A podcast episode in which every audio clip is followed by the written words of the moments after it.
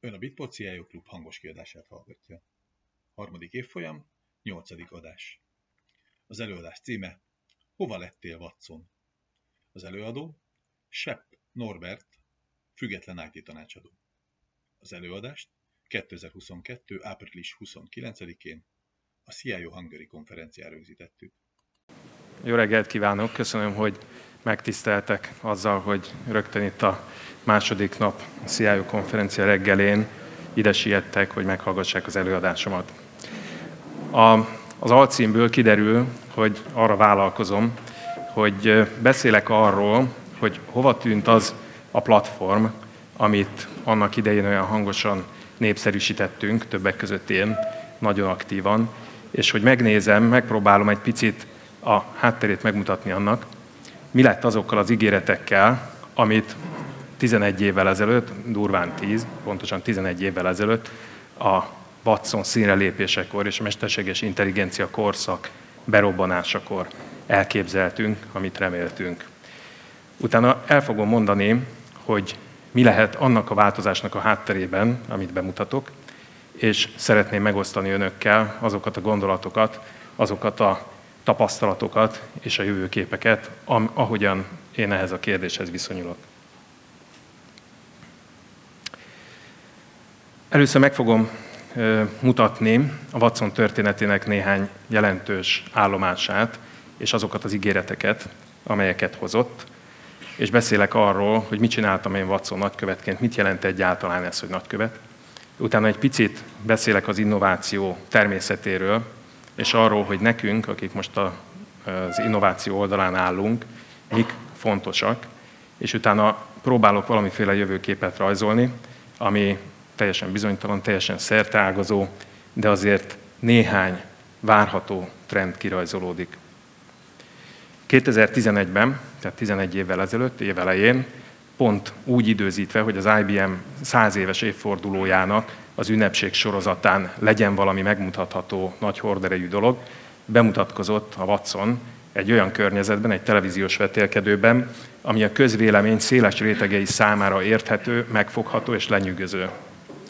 Ezen a vetélkedőn ez a rendszer két nagyon erős emberi játékossal mérkőzött meg, és kis szerencsével megverte őket, bemutatva azt, hogy a mesterséges intelligencia bizonyos területei, ez konkrétan az úgynevezett mély kérdés-válaszrendszerek egyik példánya volt, ami a nyílt kérdés, tehát nem területspecifikus, hanem általános kérdésekre adott releváns válaszok képességének a bemutatására szolgált.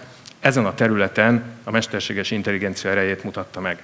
Ennek az volt a közvetlen következménye, hogy azok, akik látták, nem csak laikusok voltak, hanem voltak közöttük olyan szakemberek, akik vagy mesterséges intelligenciával foglalkoztak, vagy valamilyen innovációban érdekeltek voltak, és látták a lehetőséget ebben a rendszerben, így ők maguk keresték meg az IBM-et, fölajánlva az együttműködési lehetőséget. Párhuzamosan persze az IBM kutató részlege folyamatosan fejlesztett különböző megoldásokat, és egy évvel azután, hogy a Watson ilyen sikeresnek bizonyult, közzétették az előrejelzésüket arra vonatkozóan, hogy öt éven belül mi lesz az az öt meghatározó technológia, ami ezen a területen a mesterséges intelligencia kapcsán majd megváltoztatja az életünket. És mivel watson nem mesterséges intelligenciaként, hanem úgynevezett kognitív számítógépként jelentette be az IBM, megpróbáltak egy ilyen új terminológiát bevezetni, azzal a célral egyébként, kettős célral, az egyik az volt, hogy a mesterséges intelligencia régóta bejáratott fogalmát tól egy picit elszakadjanak és új dolgokat tudjanak mondani, a másik pedig, hogy arra utaljanak, hogy az ember kognitív képességeihez hasonló rendszerek kifejlesztése jelenik meg, körvonalazódik a horizonton. Az az ígéret tehát, amit tettek ebben az öt területben, arra vonatkozott, hogy az emberi érzékszervek, az öt alapvető érzékszervünk képességeihez hasonló képességek megjelennek majd a mesterséges intelligencia fejlesztések eredményeként. A látás, a hallás, a tapintás, a szaglás és az ízlelés területein mind tettek bátor előrejelzéseket, és megpróbálták azt is illusztrálni, hogy hogy lehet majd ezeknek üzleti alkalmazást találni. hogyha egy kicsit visszatekintünk, és nem vagyunk olyan szigorúak, nem nézzük meg azt, hogy mi az, ami öt éven belül valósult meg, és mi az, ami pontosan úgy valósult meg, akkor megjegyezhetjük, hogy azért négy olyan érzékszervi modalitás, ami számunkra fontos, a mai mélytanuló rendszerek, adatfeldolgozási technológiák fejlődésével azért többé-kevésbé már így kartávolságnyi, kartávolságba került. Van egy olyan terület, a tapintás, amelyel kapcsolatban nem látunk nagyon sok igazán biztató előrelépést, de ennek nem feltétlenül az az oka, hogy a technológia erre nem képes, az okokat máshol is lehet keresni. A lényeg tehát az, hogy tett ilyen ígéretet az IBM, és ezek valóra is váltak. Azt nem állítom, hogy mindezeket, mindezeket az ígéreteket az IBM váltotta valóra. Erre majd kicsit később visszatérünk. Mit jelent az, hogy Watson Ambassador?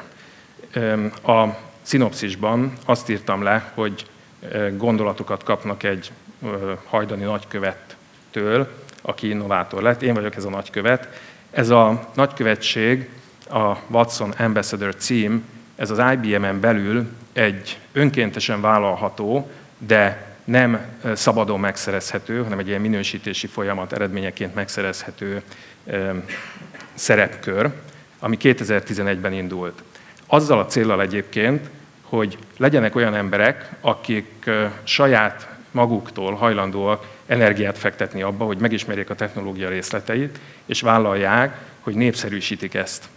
Ez nyilván az IBM-nek, mint innovátornak a malmára hajtja a vizet, teljesen érthető módon ez egy ilyen belső program volt, és nagyon fontos az innováció terjedésének a szempontjából, hogy legyenek olyan emberek, akik hitelesen, ismerve a tényeket és igyekezve naprakészen tartani magukat, megismertessék a nagy közönséggel a legutóbbi fejlesztéseket. De ez nem egy termékspecifikus, vagy egy, egy munkahelyi szerep volt, hanem ez inkább olyanoknak szólt, akik szenvedélyesen érdeklődtek a terület iránt.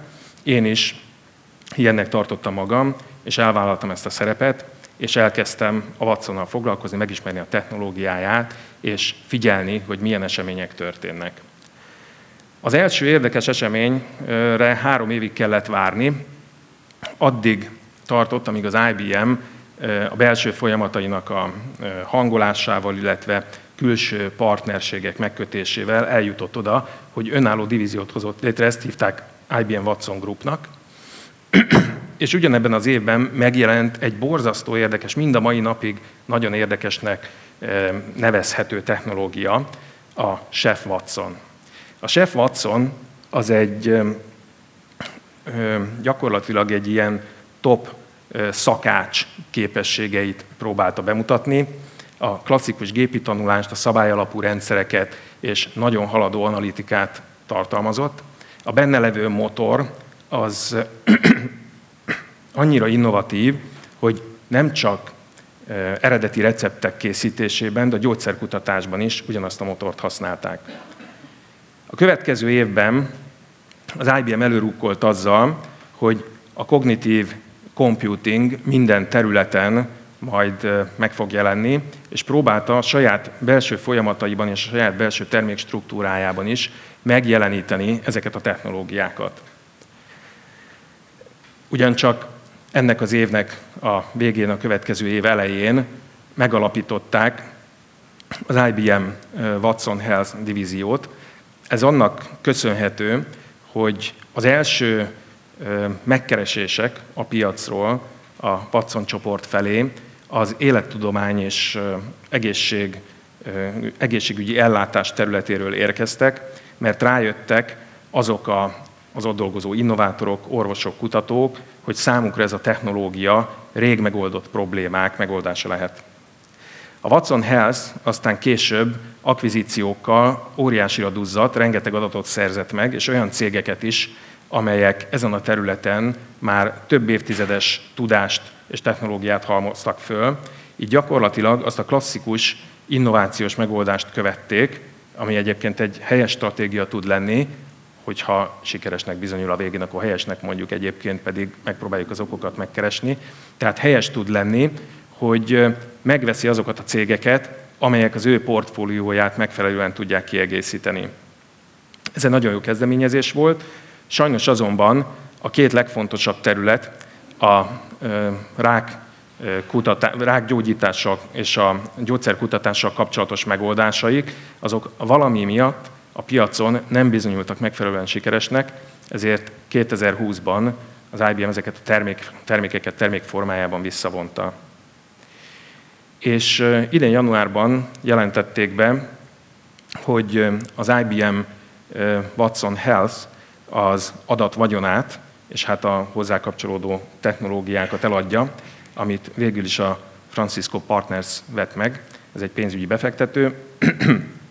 Az akvizíció a második negyedében fog lezárulni.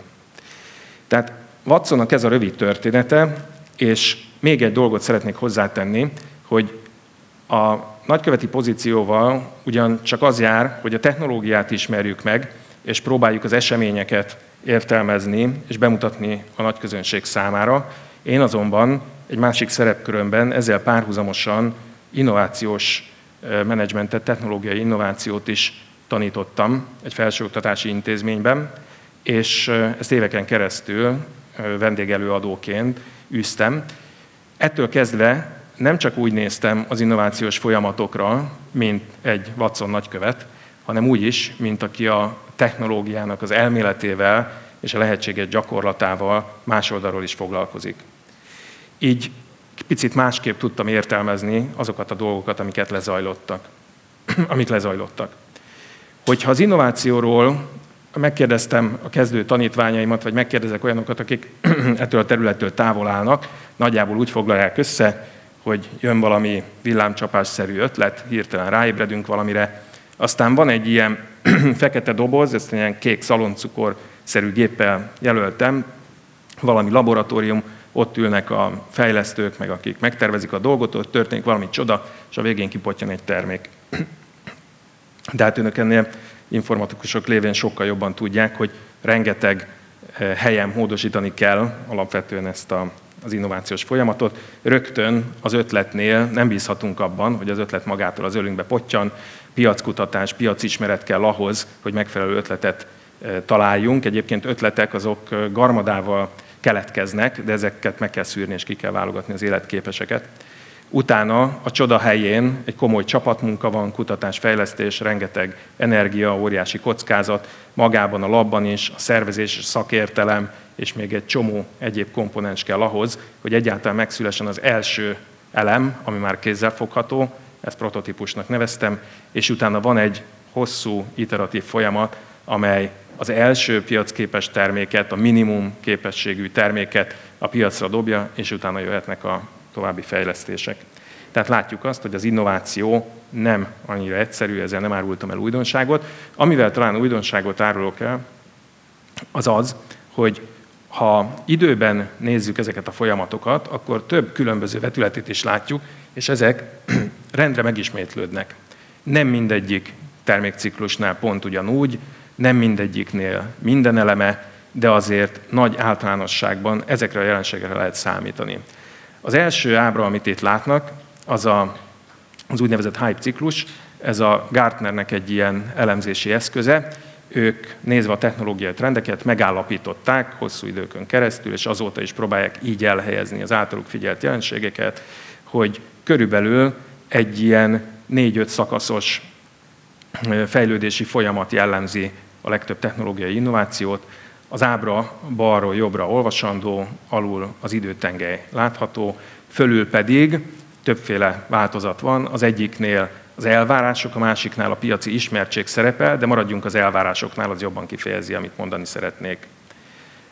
Az ábra, ahogy indul, a bal alsó sarokból, az az, az úgynevezett technológiai trigger. Ez az, amikor megjelenik először a piacon láthatóvá válik valami, amit a fejlesztői készek bemutatni.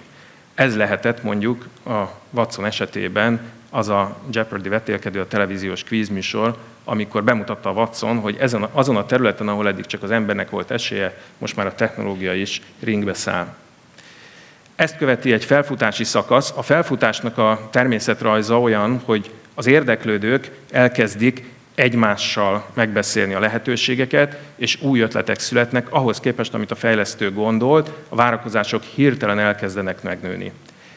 Ez a várakozás hullám elér egy csúcsot, ez a felfújt várakozásoknak a csúcsa, amit az ábrán ott középen láthatnak, és mivel a fejlesztés sebessége alul, alatta marad a, a várakozások növekedési sebességének, ezért a várakozások törvényszerűen majdnem mindig túlzóak ahhoz képest, amit a technológia nyújtani tud, tehát a gyártó a vevőkhöz képest fáziskésésbe kerül, ezzel együtt a sajtó megpróbálja számon kérni azokat az ígéreteket, amiket a gyártó esetleg nem tudott valóra váltani. Pontosan ez történt az IBM Watson esetében is, és belecsúszott maga a technológia a következő fázisba, amit a kiábrándulás szakaszának hívnak, és ez azon a középen látható alsó völgyön ér véget.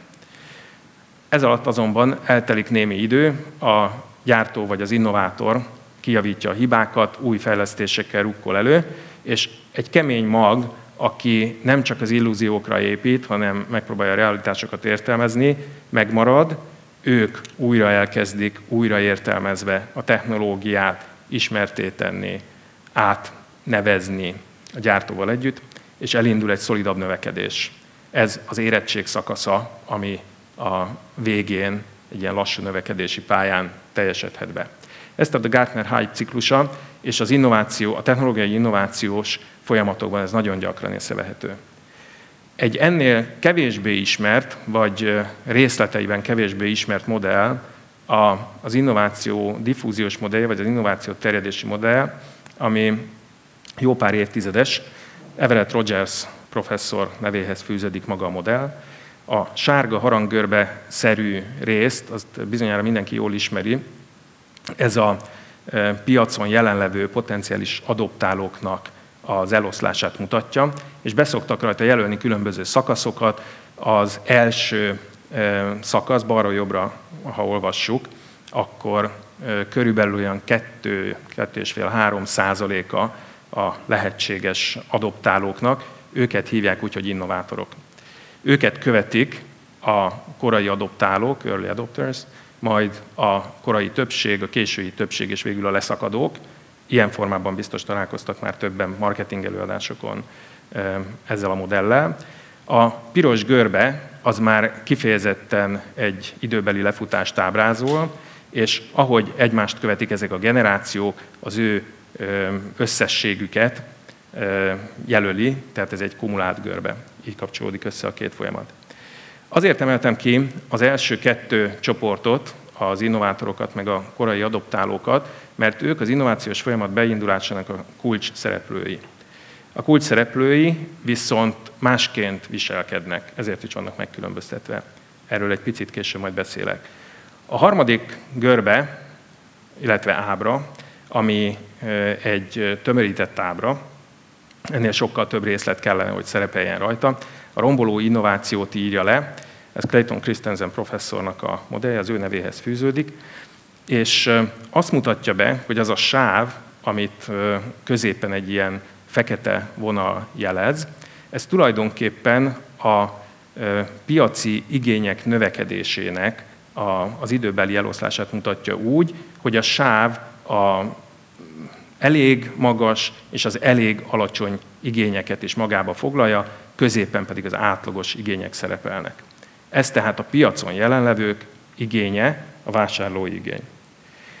Az, ezt az, a, a sávot keresztező vonal viszont a technológia fejlődése által lehetővé tett gyártói fejlődésnek a sebessége. Hogyha megnézik, annak a görbének a meredeksége nagyobb, tehát az, aki a görbe, a, a meredekebb görbének a piaci igény sávon kívüli, az alatti részéről indul, rövid időn belül be tud lépni ebbe a sávba, és akár ki is tudja nőni ezt.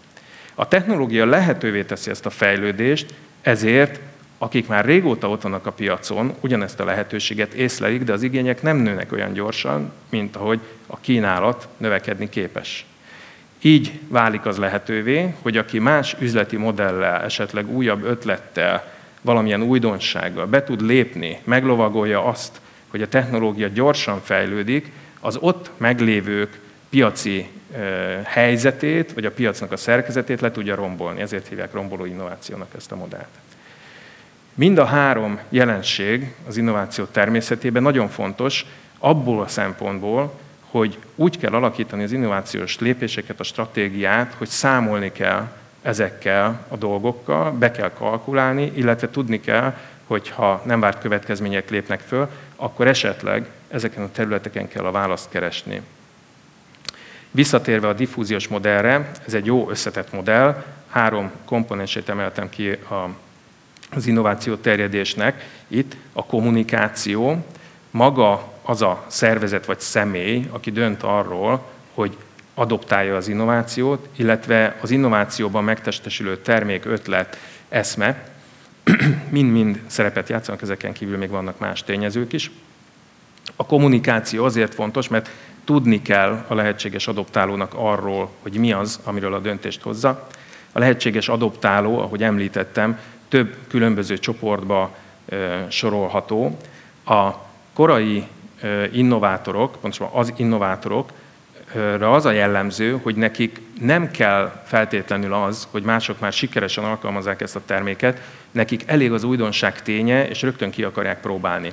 Lehet, hogy bizonyos dolgokban magunkra ismerünk, hogy mi bennünk is egy ilyen kis innovátor bújká, más területeken viszont konzervatívabbak vagyunk, és nem vagyunk hajlandóak vállalni egy kockázatot.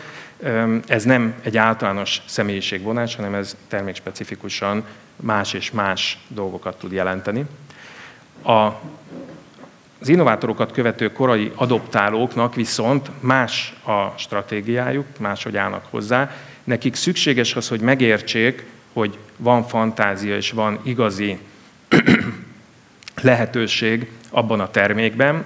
Őket és az őket követő további csoportokat írja le az innovációt részletező modell, ami arra helyezi a hangsúlyt, hogy milyen tényezőket mérlegelnek, amikor az adoptálásról, az innováció elfogadásáról döntenek. Itt kettőt emeltem ki, itt is több van.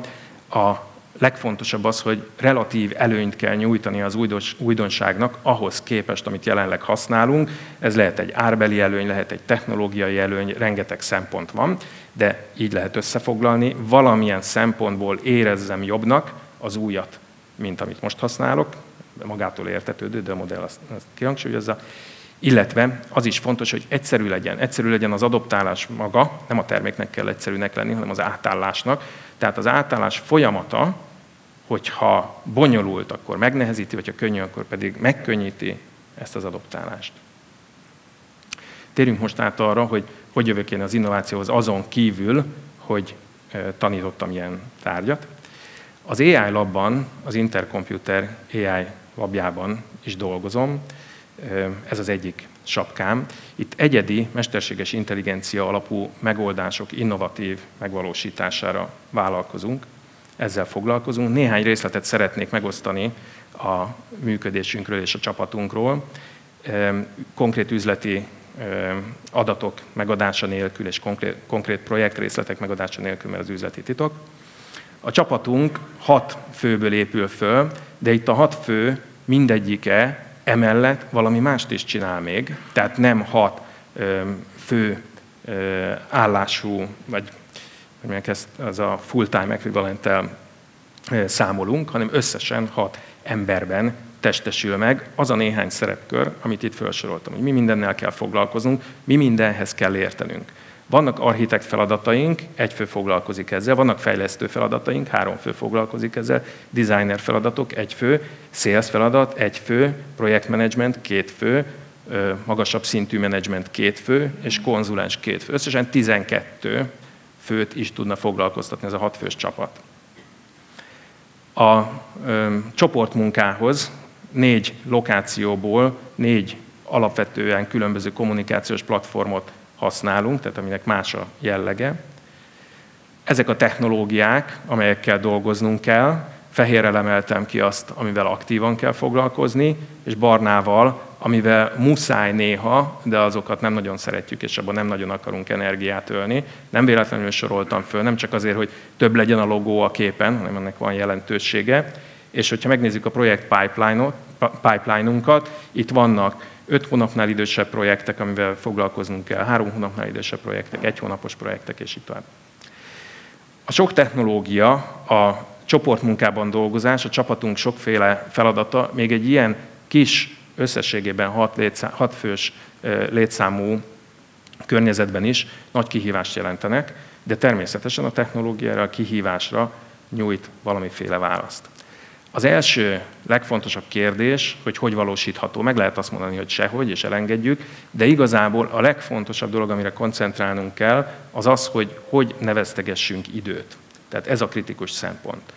Megosztásra van szükség, ugye négy lokációban dolgozunk, mindenhonnan kell tudnunk dolgozni, rendelkezésre áll, mindig kell tudnunk dolgozni, azért, mert különböző munkakörökben vagyunk, nem csak a napi 8 órában dolgozhatunk, mindenkinek korlátozásokkal, jogosultsággal kell rendelkeznie. Van egy kor technológiai halmaz, amihez állandóan változó barnával vagy narancságával kiemelt részek, ezek a hektikusan változó elemek, néha kell, néha nem, ezért azt szeretjük, hogyha gyorsan telepíthető szolgáltatás halmazunk van, és már nagyjából félkész dolgokkal tudunk dolgozni. Fontos, hogy rugalmas legyen pont emiatt a költségszerkezet, mert felépítünk és lebontunk valamit gyorsan. Egy CI-CD pipeline is lényeges alap, és mi az IBM felhőt választottuk, Részben azért, mert ez a tradíciónk, nem csak nekem, aki IBM-es voltam, hanem hogyha valaki egy adott felhő technológiára rááll, abba begyakorolja magát, akkor onnan kimozdulni az elég költséges, egyébként pedig technológiailag és üzletileg bevált nekünk ez a platform, tehát azt nyújtja, amit szeretünk, és annyiért, amennyi elfogadható nekünk. Úgyhogy úgy döntöttünk, hogy ezen a platformon haladunk tovább, ezt tapasztaljuk ki, erre építjük fel a megoldásainkat. A váltás költségét nem szeretnénk fölvállalni, olyan úton szeretnénk járni, ami jövőálló. És ez nem csak a technológiára igaz, hanem általában, amikor meghatározzuk az innovációs stratégiánkat, akkor is szeretnénk tudni, hogy merre halad a világ. Mi a módja annak, hogy a jövőbe lássunk. A bevezetőben mutattam egy ilyen üveggömböt, ennél egy picit tudományosabb módszert választottunk, amikor megnézzük az innovációt. A piaci elemzőknek a tanulmányaiban szoktunk időről időre elmerülni. Most erre az előadásra ezeket a cikkeket néztem át, nem fogom mindegyiket ismertetni, néhány illusztrációt majd felrakok, de gyakorlatilag a piaci elemzők is azt csinálják, hogy megkérdezik az önökhöz hasonlóakat, akik most éppen valamilyen innovációt terveznek, vagy akár éppen csinálnak, hogy látják, merre halad a jövő, mi lesz fontos, mi az, ami stratégiailag megtérül, és nem lehet elfelejteni. Úgyhogy ezek a cikkek gyakorlatilag sűrítik a piac valamiféle nézetét. Úgy is mondhatnám, hogy ezekből az analízisekből én csináltam egy meta-analízist, mert előkelőbben hangzik, de gyakorlatilag azt lehet látni, hogy ugyanazokat a trendeket kicsit másképp megfogalmazva, kicsit másképp súlyozva szólaltatják meg.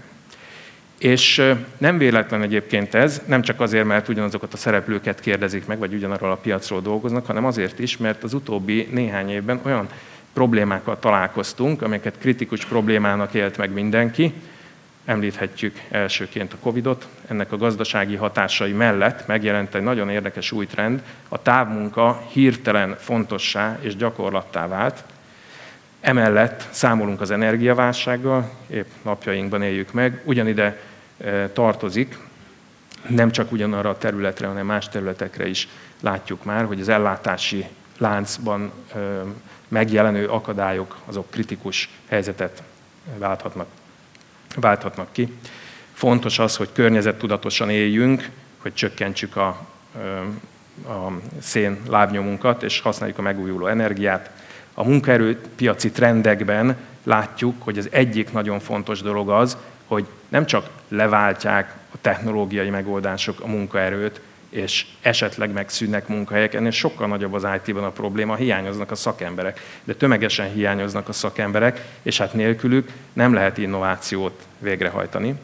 Illetve az is közhely, hogy az IT biztonság az folyamatos kihívást jelent, de ennek az a még nagyobb problémája, hogy ahogy egyre koncentráltabbá válnak a technológiai megoldások, és egyre inkább központokban összegyűlnek adatok, technológiák, úgy a biztonsági sérülékenység is sokkal kritikusabb helyzetet ölthet.